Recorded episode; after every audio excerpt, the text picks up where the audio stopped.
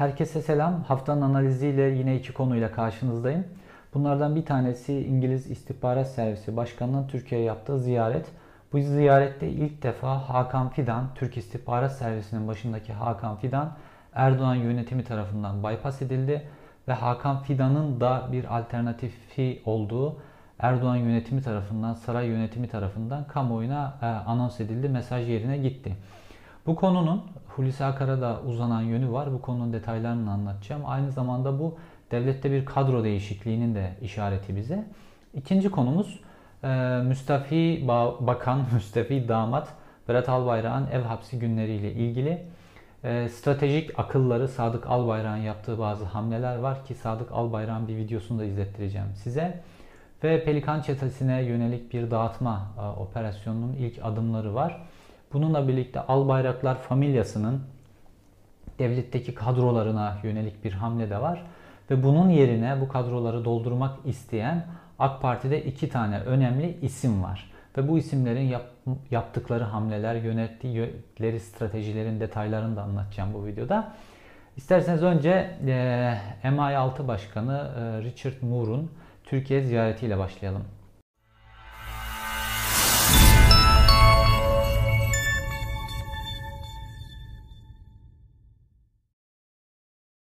Richard Moore MI6'nın yeni başkanı daha çiçeği burnunda.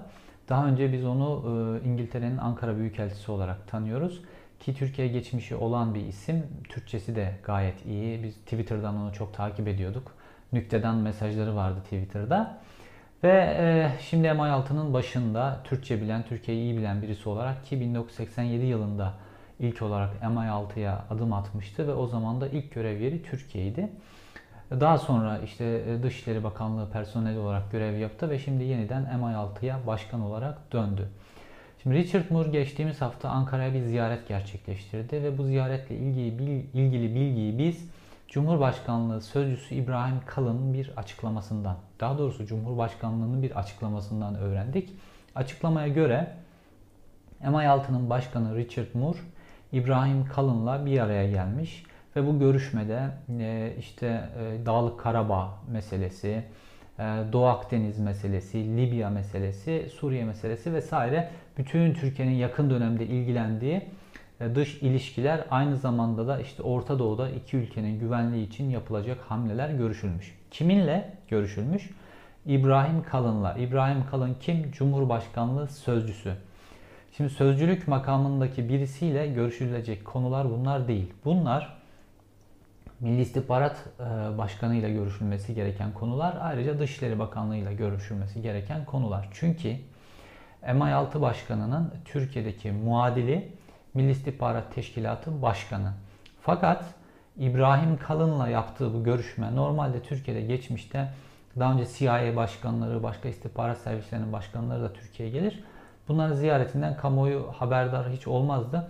Kazara bir gazeteci bunların ziyaretiyle ilgili bazı detaylar ve ziyaret tarihlerini bulup yazarsa büyük haber olurdu Türkiye'de. Fakat bu sefer bu ziyareti e, İbrahim Kalın'la görüştüğü ve İbrahim Kalın'la görüştüğü konular vurgulanarak e, Cumhurbaşkanlığı tarafından açıklandı. Şimdi Ankara kulislerinde uzun zamandır İbrahim Kalın'ın, Hakan Fidan'ın konumu istediği açıkça konuşuluyor. Ve İbrahim Kalın da kendisini yetkinlik olarak Hakan Fidan'dan daha üstün görür. Hani işte Hakan Fidan'a hep bir söylenen bir şey vardır. As subay. Ee, İbrahim Kalın da Hakan Fidan'ı o seviyede birisi olarak görür ve stratejik aklının belli bir operasyonel düzeyin çok üstünde olmadığını düşünür. Ve İbrahim Kalın kendisini o pozisyona uzun zamandır e, öneriyor, hazırlıyor, kulislerini yapıyor. Fakat bu e, açıklama ilk defa şunu gösteriyor. Tayyip Erdoğan yani saray yönetimi de Hakan Fidan'a alternatifsiz olmadığı ayağını denk alması gerektiği ile ilgili bir mesaj gönderdi. Bu mesajı niye gönderiyor Tayyip Erdoğan? Hakan Fidan'a doğru. Şimdi dünyada bazı şeyler değişiyor. Ee, Tayyip Erdoğan geçtiğimiz gün bir açıklama yaptı. İşte bundan sonra daha çok hukuksal alanda reform yapacağız, demokrasimizi daha geliştireceğiz, insan hakları konusunda atılım yapacağız. Neden? Çünkü e, Amerika Birleşik Devletleri'nde bir başkanlık değişimi var. Joe Biden seçildi. Ve Joe Biden döneminde olaylar biraz değişik olacak. Trump diktatörlerle çalışmayı, e, baskıcı yönetimlerle çalışmayı daha kolay buluyordu. Demokrasi işte kendi içinde balansları var vesaire zor o tip rejimlerle çalışmak. Ve e, Tayyip Erdoğan yönetimiyle gayet iyi geçiniyordu. Hatta Trump yönetimini, Tayyip Erdoğan yönetiminin bu seçimde açıkça desteklediğini Tayyip Erdoğan medyasından da çok rahatlıkla görebildik. Fakat bir değişim var. Bu değişimin Türkiye'nin içerisinde de muhakkak etkileri olacak. Fakat Tayyip Erdoğan'ın Hakan Fidan'la olan meselesi aslında daha derin. Şimdi Tayyip Erdoğan belli kadrolarla çalışmak zorunda. İşte Albayrak ailesi de bunun gibi bir şey. Herkese hemen harcayamaz Tayyip Erdoğan bir kızgınlık nedeniyle. İşbirlikleriyle devlet e, yönetildiğini biliyor. Ve Hakan Fidan da kendisi için iyi bir aparattı. Çünkü Milli İstihbarat Teşkilatı'nın içerisindeki kadrolarda AKP yok. Pek çok devlet kadrosunda olmadığı gibi orada da yoktu. Milli İstihbarat Teşkilatı'nda hiç e, e AKP'ye yakın olabilecek bir isim yoktu. Fakat Hakan Fidan işte maaş arttırımları, bina değişimi, başka böyle stratejik o kadroların isteyeceği milliyetçi politika bir sürü şeyde o kadrolarla bir uyum sağladı. O kadroları idare etti ve bir noktaya getirdi. Fakat hatırlayalım bir geri dönüş yapalım. Hakan Fidan e, Davutoğlu kabinesinde Dışişleri Bakanı olmak için görevinden istifa etmişti ve milletvekili adayı olmuştu. Sonra Tayyip Erdoğan Cumhurbaşkanı olarak kendi başbakanına o dönem çok açıkça meydan okudu kamuoyu önünde ve Hakan Fidan'ın istifasından kendi haberinin de olmadığı, bundan da memnun olmadığını açıkça söyledi. Ve onun hemen ardından e, bir gün sonra Hakan Fidan istifasını geri çekti ve e, Milli İstihbarat Teşkilatı'nın başkanlığındaki görevine geri döndü. Peki bu arada Hakan Fidan kamuoyunda bu kadar kızgın olduğu ve e, o zaman Ankara'da böyle kadrolar ayrışıyordu.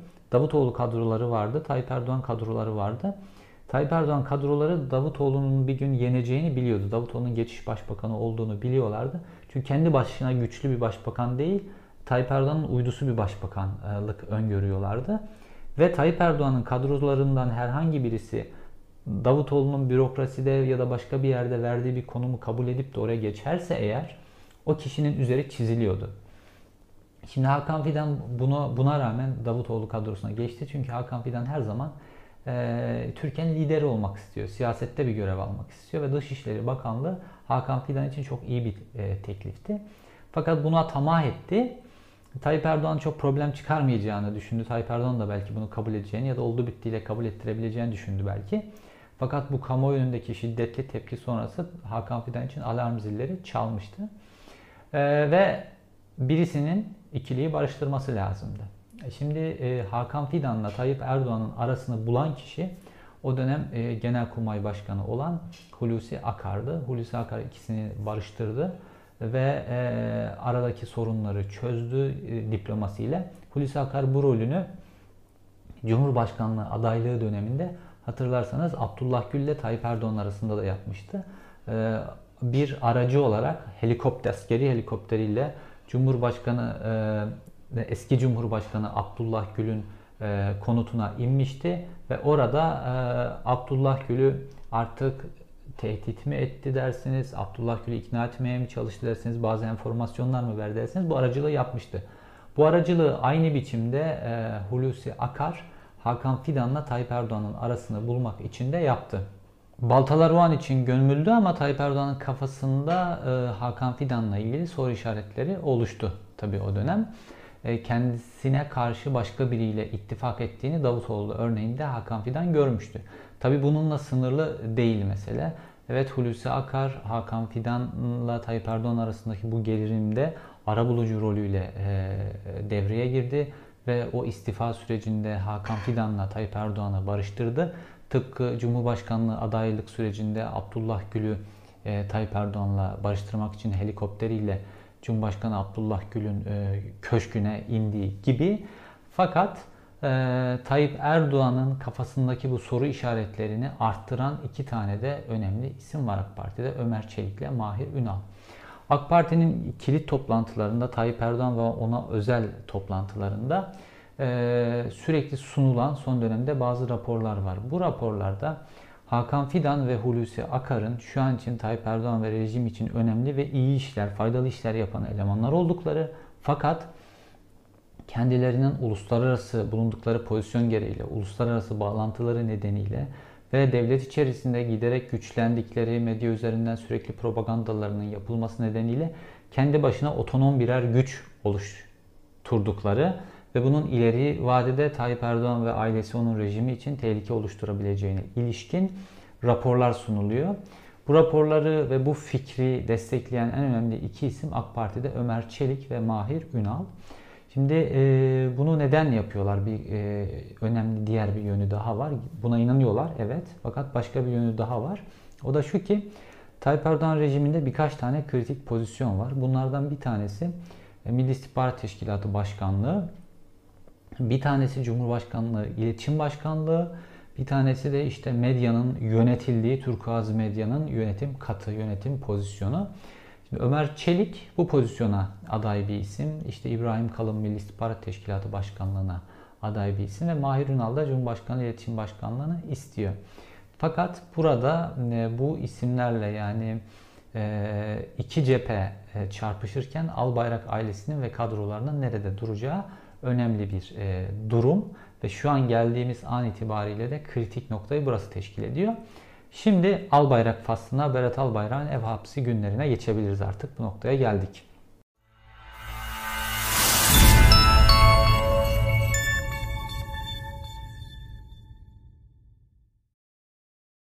Berat Albayrak'ın istifasıyla, Berat Albayrak'ın tepki istifasıyla birlikte ve kontrolsüz istifasıyla birlikte e, Albayrak ailesi önemli bir pozisyon kaybetti. Fakat daha fazla pozisyon kaybetmeye marjları yok. E, dolayısıyla Albayrak ailesi kendisini e, korumak için ve mevcut gücünü korumak için şu an stratejik davranmaya başladı. E, tıpkı geçmişte e, AK Parti'nin ilk kuruluş yıllarında Sadık Albayrak'ın yaptığı gibi. Sadık Albayrak e, Tayyip Erdoğan'dan bahsederken Nuru Aynım tabirini kullanıyor. Hakikaten de ikisinin arasında aynılıklar, benzerlikler çok fazla. Şimdi stratejide şöyle bir hamle yaptılar bu hafta. Sadık Albayrak Rasım Ozan Kütahyalı ile bir saati aşkın bir telefon görüşmesi yaptı. Biliyorsunuz hiç kimse Berat Albayrak'a ulaşamıyor. O zaman babasına ulaşalım stratejik akla. Sadık Albayrak'la bir saati aşkın bir görüşme yapmış ve bu görüşmeyi daha sonra kamuoyuyla paylaştı Rasim Ozan Kütahyalı. E, aktardığına göre Sadık Albayrak gayet neşeliydi. İşte oğlunun sağlık sorunları nedeniyle bu görevden feragat ettiği, e, Tayyip Erdoğan'la aralarında hiçbir pozisyon, hiçbir tartışma olmadığı, ikisinin dava daş oldukları vesaire vesaire pek çok güzel kamuoyuna mesaj, hiçbir sorun yok mesajı. Tıpkı Berat Albayrak'ın istifası ile ilgili Cumhurbaşkanlığı'nın yaptığı açıklama gibi hiçbir sorun yok. Sadece sağlık sorunları var şeklindeki bir mesaj ama öyle değil. Şimdi Rasim Ozan Kütahyalı niye seçildi? Burada işte e, e, Sadık Albayrak'ın diğer oğlu Serhat Albayrak'ın aklı, aklı devreye giriyor. Rasim Ozan Kütahyalı Sadık Albayrak'ın e, e, oğlu e, Serhat Albayrak'ın kontrolündeki en önemli gazeteci. Sabah gazetesi içerisinde operasyonlar yapılacağı zaman, bazı kesimlere yönelik operasyonlar yapılacağı zaman Serhat Albayrak her zaman Rasim Ozan Kütahyalı'yı bir öncü gibi kullanır. Ee, burada da işte e, babasıyla konuşturtarak ve bunu kamuoyuna bu şekilde yansıtarak kendilerine göre stratejik bir hamle yaptılar. Çünkü e, Serhat Albayrak'ın pozisyonunu kaybetme riski var. Tayyip Erdoğan bununla ilgili küçük mesajlar verdi medyadan memnuniyetsizliği ile ilgili. Bu riski göze alacak bir durumda değil Albayrak ailesi. Dolayısıyla böyle bir stratejik hamle yaptılar. Bu stratejik hamlenin e, benzerini Sadık Albayrak kendi ailesinin gücünü inşa ederken de yapmıştı. Sadık Albayrak Milli Gazete'nin e, genel e, Milli Gazete'nin baş yazarıydı ve Milli Gazete'nin baş yazarı olarak da Milli Gazete'nin e, işte o düşünce, felsefe tabanını oluşturan Milli Görüş'ün önemli isimlerinden bir tanesiydi. De Milli Görüş'ün e, resmi e, fikrini, resmi ideolojisini Milli Gazete'nin baş yazarlığına taşıyordu. Fakat e, işte Saadet Partisi döneminde AK Parti içinde 28 Şubat'ın sonrasında e, AK Parti diye bir fenomen çıkmaya başladı Saadet Partisi içerisinden ve e, herkes bir tutum belirledi bu süreç içerisinde. İşte yenilikçiler ve gelenekçiler diye ayrışmaya başlamıştı parti. İşte Sadık Albayrak gibi işte geçmişinden beri milli görüşün kökünde olan köklü isimler gelenekçileri destekliyorlardı. Çünkü onlar için Tayyip Erdoğan evet bir rüzgar estirebilir, e, seçimi de kazanabilir fakat Türkiye'nin mevcut statikosu, mevcut rejimi, vesayet sistemi Tayyip Erdoğan'a ne kadar izin verecek? Uluslararası konjonktür ne kadar izin verecek? İktidarda ne kadar tutunacaklar? Sonları 28 Şubat'taki Erbakanlar gibi mi olacak? Bunlar soru işaretleriydi. Şimdi 28 Şubat'ta Erbakan iktidardan devrildi ama Erbakan'ın kendisinin ideolojisi çerçevesinde örgütlenmiş, teşkilatlanmış milli görüş denen bir yapısı var. Bu kendi içerisinde ekonomisini üretiyor, kendi içerisinde ağı var, kendi içerisinde gücü var vesaire. Devlet üzerine gitse bile kendi içerisinde kendi yavru yağıyla kavrulabilecek bir yapı. Dolayısıyla Sadık Albayrak gibi kişilerin işte yayın yönetmenliği pozisyonu, başyazarlık pozisyonlarında konumlanmaya devam edebilecekleri kendi içerisinde bir devinim var. Fakat AKP gibi bu merkezden kopmuş biri bir de iktidardan düşerse o zaman onların e, geriye dönecek bir kapıları da kalmayacak, güçleri de kalmayacaktı. Fakat Sadık Albayrak bir süre yenilikçilerle ilgili sessiz kalmıştı. Çünkü e, işte daha önceki videoda da anlattım. İşte 28 Şubat'ta Vakko eşarp satan bir adamken Tayyip Erdoğan'ın e, İstanbul Büyükşehir Belediye Başkanı olmasıyla birlikte işte kültür İstanbul Büyükşehir Belediyesi Kültür Daire Başkanlığı'nda pozisyonlandı, kitapları basıldı, konferanslar vesaire cebi para görmeye başladı. Ve dolayısıyla çok da öyle yenilikçilere karşı böyle açıktan bir mücadele veren e, bir isim olmaktan ziyade perde arkasından mücadele veren bir isimdi. Stratejik hamlesi gereği. E, fakat e, yeni gelenekçileri desteklediği herkes tarafından biliniyordu. Fakat Tayyip Erdoğan başbakan seçildikten ve başbakan seçildikten sonraki bulduğu destek itibariyle Sadık Albayrak stratejisini değiştirdi. Çünkü Avrupa Birliği o yıllarda Tayyip Erdoğan yönetimini çok destekliyordu. Amerika Birleşik Devletleri Tayyip Erdoğan yönetimini açıkça destekliyordu. İşte cemaat e, devlette bulundurduğu kadrolarla Tayyip Erdoğan yönetimini destekliyordu. Dolayısıyla da e, bu destekle birlikte ve estirdiği rüzgarla birlikte Kürtler, liberaller toplumun bir kon, kon, toplum bir burada konsensüs kurmuştu neredeyse. Avrupa Birliği reformları peş peşe yapılıyordu ve iktidarda Tayyip Erdoğan tutunacağı görüldü. Görülünce bir süre Sadık Albayrak da strateji değiştirip yenilikçiler cephesine demirini attı. Ve ondan sonra işte e, bir proje evlilik olan e, oğluyla Esra'nın e, Esra Erdoğan'ın evliliğiyle birlikte de çok güçlü bir pozisyona geldi. Sonrasında diğer oğlunu işte medya imparatorluğu pozisyonuna doğru iterek ikinci bir güçlü pozisyonu elde etmiş oldu. Dolayısıyla Tayyip Erdoğan'ın stratejisiyle o güç ve ittifaklar stratejisiyle Sadık Albayrak'ın güç ve ittifaklar stratejisi birbirine çok benziyor. E, fakat e, Sadık Albayrak'ın yapısına baktığınızda e, işte Tayyip Erdoğan'la benzerlik noktalarından bir tanesi de şimdi size bir video izleteceğim. Temel'e demişim ulan temel büyük nasıl ulan dik duramadım ki demiş. Gelen boş giden boş. Peki soruyorum şu anda yönetime daha evvelkilere. Bu satı size kim yaptırdı? Bu reklamı size kim aldı? Hiç kimse size kredi vermezken milli bankalardan yeni kredi aldınız. Nereye harcadınız? Öyle mi? Bir de basın yönünde söyleyeyim size. Eğer o bakan bakan olarak devlet görevi var. Basın olarak açık söylüyorum. Turguaz medya grubu olmasa sizi pisirirler, boğarlar. Zor, zor. Boğarlar. Ya, şimdi niye? Adam program yapıyor, Trabzon'u doğuruyor. Dinle, daha başındayım ben. Telefon açıyorum, diyor ki burada üç tane Fenerbahçeli var, avukat var. Hem Trabzonspor'u devreye giriyor. Anlatabildim mi? İşte bu videoda da gördüğünüz gibi e, Sadık Albayrak e, kendisinden önce hiçbir şey yokmuş gibi davranıyor. Yani Trabzonspor diye bir şey yokmuş. Sadık Albayrak ve oğulları geldikten sonra Trabzonspor var olmuş. İşte Hazine Bakanı olan oğlu kredi verdiği için Trabzonspor ekonomik olarak ayakta duruyor. Diğer oğlu medya desteği verdiği için e, Trabzonspor boğulmaktan kurtuluyor. Biz var biz yokken siz yoktunuz gibi davranıyor. Tayyip Erdoğan da böyle davranıyor. Yani bazen söyleniyor ya dalga konusu da yapılıyor. İşte bizim iktidarımızdan önce evlerde buzdolabı, e, fırın yoktu filan demişti Tayyip Erdoğan bir seferinde. İşte her şeyi kendilerine mal ederler. Halbuki Türkiye'nin ne kadar ağır sanayi vesaire yapısı varsa hep Tayyip Erdoğan iktidarı döneminden yapılmıştır temelli yapı. E, betonla e, boğdular ülkeyi aslına bakarsanız o finansın bol olduğu yıllarda. Fakat bizden önce hiçbir şey yoktu. Neredeyse ilkel çağlarda taş devrinde yaşıyormuşuz gibi davranırlar. Sadık Albayrak da işte Trabzonspor üzerinde bir Trabzonlu olarak böyle davranıyor. Bizden önce Trabzonspor oğullarından önce hiç yokmuş gibi. Halbuki Trabzonspor'un ne kadar şampiyonluk ve başarısı varsa hepsi AKP iktidarı dönemi öncesinde olmuştu. Fakat buradaki üslubu ve tarzın çirkinliğini görüyorsunuz değil mi o videodaki? Yani böyle elini masaya vurarak böyle biraz e, da böyle psikolojik vaka yani böyle konuşma tarzı, şivesi, hitabı. Orada Trabzonspor Başkanı'nın ve salondakilerin ne kadar irite olduğunu orada anlayabiliyorsunuz. Çünkü gücü bir şekilde ellerine geçirmişler bunlar. Ve bu gücü ellerine geçirmeleri de kendi yetenekleri, kendi kabiliyetleri nedeniyle değil, ittifak nedeniyle.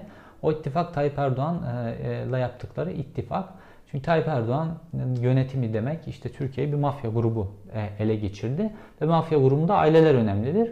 Tayyip Erdoğan ailesi işte akrabalık bağları nedeniyle bu aileyi ve bu ailenin fertlerini önemli pozisyonlara getirdi. Bu aileler ittifakı burada. Yoksa normal şartlar altında e, Berat Albayrak e, Hazine Bakanlığındaki KPSS memur sınavlarını geçemez. Fakat Hazine Bakanı oldu. İşte bu bağlar nedeniyle. Fakat bununla yetinmedi Albayrak ailesi. İşte bu Berat Box'a baktığımızda e, Berat Albayrak'ın e-mail kutusu biliyorsunuz Wikileaks tarafından patlatıldı ve Wikileaks'in web sitesinde Berat Box diye bütün bu e-mailler yayınlandı. İşte arama da var orada arayabiliyorsunuz. Bu aramalarda listeleri arattığınızda ve Serhat Albayrak'la aralarındaki yazışmaları arattığınızda sürekli karşınıza listeler çıkıyor. Bu listelerin bir kısmı tasfiye edilecek kamu personeli listesi, bir kısmı e, göreve getirilecek kamu personeli listesi, bir kısmı tasfiye edilecek gazeteciler listesi, bir kısmı göreve getirilecek gazeteciler listesi gibi. Dolayısıyla e, baktığınızda hakikaten o tasfiye edilecek isimlerin zaman içerisinde tasfiye edildiğini, göreve getirilmesi gereken kişiler listelerini de kendileri anlaşılan bir süzgeçten geçirmişler. Birbirleriyle paylaştıktan sonra eğer ilgilisine göndermişlerse o ilgilisine gönderdikleri listelerdeki kişilerin de devlet kadrolarında yükseldiğini görüyoruz. Dolayısıyla Albayrak ailesi devletin çeşitli kurumlarında ve medyada e, kendilerine bağlı bir yapı oluşturmuş durumdalar. Bu bir gerçek.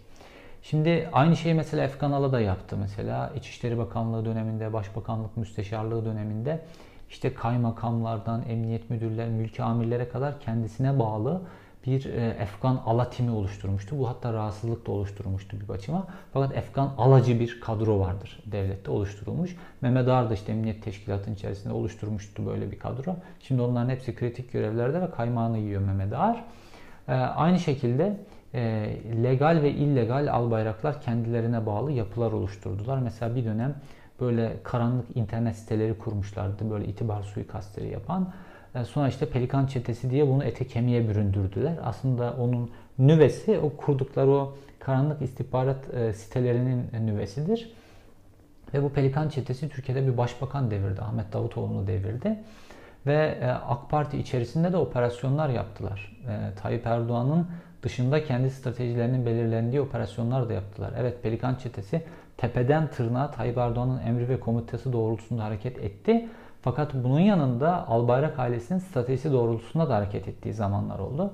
Mesela e, Adalet Bakanı Abdülhamit Gül. Tayyip Erdoğan tarafından Adalet Bakanlığı görevine getirilmiş biri. Fakat yargı içerisinde Berat Albayrak'ın özellikle İstanbul adliyesini tamamen kont Berat Albayrak İstanbul'un baron olmak istiyordu. Bir biçimde İstanbul'da kendisinden habersiz kuş uçmasını istemiyordu. Ve İstanbul adliyesini de tamamen kendi kontrol altına almak istiyordu. Abdülhamit Gül de buna direniyordu.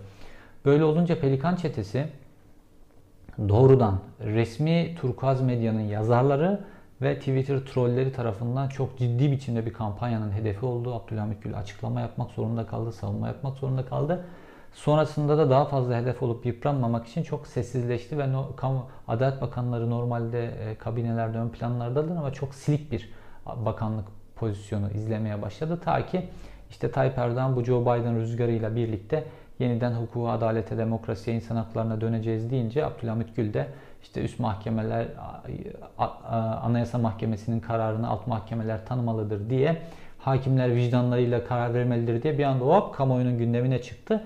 Çünkü Albayrak ailesinin dolayısıyla da Pelikan'ın gücünün kırıldığını Abdülhamit Gül de gördü. Ve şimdi Pelikan çetesi bazı zorluklar yaşayacak bundan sonra. Çünkü Albayrak ailesinin e, potansiyel gücünü, var olan gücünü kırmak Tayyip Erdoğan için artık önemli bir şey. Evet bu aileyle sonuç itibariyle kızıyla evli bir savaş açmayacaktır. Fakat o ailenin kolunu kanadını kırmak isteyecektir. Operasyonel gücü de Pelikan çetesi. Bunlarla ilgili işte şimdi böyle villayı o boğazdaki yalılarını boşalttıklarına dair haberler düşüyor ve Şu an Pelikan çetesindenmiş değilmiş gibi davranmaya başlıyor insanlar. Ufak ufak satışlar başlama başladı. Fakat burada e, Serhat Albayrak'ın Turkuaz Medya Grubu Başkanı olarak ve bütün medyayı yöneten baron olarak pozisyonunu ve gücünü kaybedip kaybetmeyeceği Albayrak ailesi açısından önemli. Bu nedenle de e, Berat Albayrak'ın istifa mektubunu Cumhurbaşkanlığı İletişim Başkanlığı'nın talimatı doğrultusunda bütün medya yayınlamadığı gibi Serhat Albayrak da kendi kardeşinin istifa mektubuna sansür uyguladı. Stratejik bir hamle olarak. Şimdi Berat Albayrak şu an ev hapsinde. Neredeyse elektronik kelepçe takılmış durumda. Biz Berat Albayrak bu yapılanın bir örneğini daha biliyoruz. Normalde Berat Albayrak şu an e, özgür olsa itibarını korumak için bazı hamleler yapar. Daha önce gördük e, Berat Albayrak'ın böyle çok tartışıldığı ve yıpratıldığı süreçler oldu. Bunlarda Berat Albayrak bir şekilde e, işte kardeşinin o medya gücünü de kullanarak, sosyal medyadaki gücünü de kullanarak başka konular üzerinden kendisini parlatıp o konulara bir kontrast oluşturdu ve itibarını korumaya çalıştı. Kendisini Türkiye'nin gelecek potansiyel lideri olarak gördüğü için e, buna çok itibarını korumaya çok önem verir kendi açısından. E, dolayısıyla bu istifada da e, söyleyecek lafları var aslında Berat Albayrak'ın. Neden bu noktaya geldiğine ilişkin bir şeyler ima edebilir. Kendi dönemine ilişkin bazı başarılı haberler yapabilir ya da başka sempatik yollarla kamuoyu önüne çıkmak için bazı hamleler yapabilir. Fakat tamamen kayıp. Bunu biz ne zaman gördük? Bir kere daha gördük. İşte bu e, yat meselesi. E, Berat Albayrak'ın işte yatta bir mankenle birlikte olduğuna ilişkin böyle sosyal medyaya bilgiler, fotoğraflar falan düşünce ki bu bilgilerin de Süleyman Soylu ve ekibi tarafından düşürüldüğü iddia ediliyor. E, düşünce Berat Albayrak bir haftalığına yaklaşık ortadan kayboldu. Ve bu bir haftada işte Tayyip Erdoğan tarafından işte o Kısıklı'da böyle kale gibi korunan 5 tane villanın Erdoğan ailesine ait 5 villanın olduğu kampüste e, tutulduğu hatta Berat Albayrak'ın darp edildiği e, ne ilişkin haberler çıktı. Sonrasında bir hafta kadar sonra Berat Albayrak Tayyip Erdoğan, Emine Erdoğan ve kendi eşiyle birlikte bir mutlu aile pozu verdi. Orada Tayyip Erdoğan yüzü yine asıktı. Böyle bir poz verdi ve olay e, kaldığı yerden bir yara kapanmış olarak devam etti. Şimdi aynı şekilde Berat Albayrak yine kaybolmuş vaziyette ilk defa. O dönemde hala bakandı ve e, çok önemli bir bakan. E, bir hafta ortadan kayboluyor. Ne bakanlığa geliyor, ne bir mesaj atıyor, ne bir şey yapıyor filan. Hepimiz bir problem olduğunu biliyorduk. Bir yere kapatıldığını biliyorduk açıkçası. Şimdi de işte Berat Albayrak medyaya konuşma potansiyeli var. Fakat elindeki bütün enstrümanlar alındı. İşte Twitter hesabı kapatıldı. Hatta e, istifa açıklamasını yapabildiği yegane mecra olan e, Instagram hesabı dahi şu an kapatıldı. Dolayısıyla elinde kamuoyuna ulaşacak hiçbir enstrüman kalmadı. Yeni bir Twitter hesabı ya da Instagram hesabı açsa, elinde cep telefonu var mı onu da aldılar mı bilmiyorum ama açsa e, fake mi değil mi filan onu anlayamayacağız yani. Öylesine bir kapattılar ki adamı. E, şimdi e, ev hapsinde elektronik kelepçe şartlarında belli ki Kısıklı'daki villada tutuluyor ve bu olay soğuyuncaya kadar bu olay etkisini kaybedinceye kadar ve Berat Albayrak'ın öfkesi de yatışıncaya kadar Tayyip Erdoğan'ın öfkesi de yatışıncaya kadar olay tamamen kontrolden çık çıkılan bir noktaya ilerleme potansiyeli yok oluncaya kadar Berat Albayrak belli ki orada tutula, tutulacak. Ee, işte e, belki de geçen seferki gibi bir haftadan daha uzun bir süre Berat Albayrak orada tutulacak. Çünkü kriz bu sefer daha büyük. Fakat bu bize başka bir şeyi gösterdi ve Tayyip Erdoğan'la ilgili düşünceleri olan, e, Tayyip Erdoğan'la ilgili, Tayyip Erdoğan sonrası ile ilgili planları olan herkese bir şeyler gösterdi. Şimdi ülkeyi bir aile yönettiğinde böyle diktatöryal bir yönetim altında olduğunuzda ve aileler önemli olduğunda herkes aile içerisindeki dengelere çok odaklanır. Artık kurumlar, sistemler değil, bireyler, kişiler ve onların hamleleri önemli hale gelir. Dolayısıyla o ülkeyi anlamak için bireylere bakmanız gerekir. Şimdi Tayyip Erdoğan ülkeyi ailesiyle yöneten, aile bir aile tarafından yönetilen bir Türkiye var ve Tayyip Erdoğan artık ailesini yönetemeyen bir lider durumunda. Dolayısıyla bu Tayyip Erdoğan sonrasına hazırlık yapan ve ne olur ne olmaz diye hazırlık yapan herkese bir mesaj oldu ve Tayyip Erdoğan'ın kontrolü kaybettiğine ilişkin çok güçlü bir mesajdı bu. Ailesinin kontrolünü kaybeden ülkenin kontrolünü de çok rahat kaybeder ve artık bundan sonra Türkiye'deki bütün e, ekipler, kadrolar, güç odakları buna göre hazırlıklarını yapıyorlardır bundan sonra. E, bir ivmede hızlanma söz konusu olduğuna ilişkin bir mesajdı bu. Tayyip Erdoğan bundan sonra ne yapacak? Bundan sonra Tayyip Erdoğan'ın yapacağı şeyler işte e, Hakan Fidan'a İbrahim Kalın'ı öne çıkararak bir mesaj gönderiyor. Çünkü Hakan Fidan'ın da bir güç olduğunu biliyor. Bundan sonra Hulusi Akar'a yönelik bir mesaj gönderilebilir. Bundan sonra Serhat Albayrak'a yönelik bir e, hamle, bir mesaj gelebilir. Oradaki gücü dengelemek için orada medyanın içerisinde başka bir figür ön plana çıkartılabilir. Ve Tayyip Erdoğan en önemlisi dış konjöktürdeki baskı Joe Biden'la değişecek baskı için bazı hamleler yapabilir. Joe Biden yönetimiyle uyumlu çalışabileceğine, Joe Biden yönetimini ikna etmek için bazı değişimler yapmak zorunda Tayyip Erdoğan. Ee, işte e, toplum üzerindeki baskının e, artık eskisi gibi olmadığını, ülkenin daha demokratik hareket ettiğine ilişkin bazı sembolik e, serbest bırakılmalar falan gibi şeyler yapabilir Tayyip Erdoğan.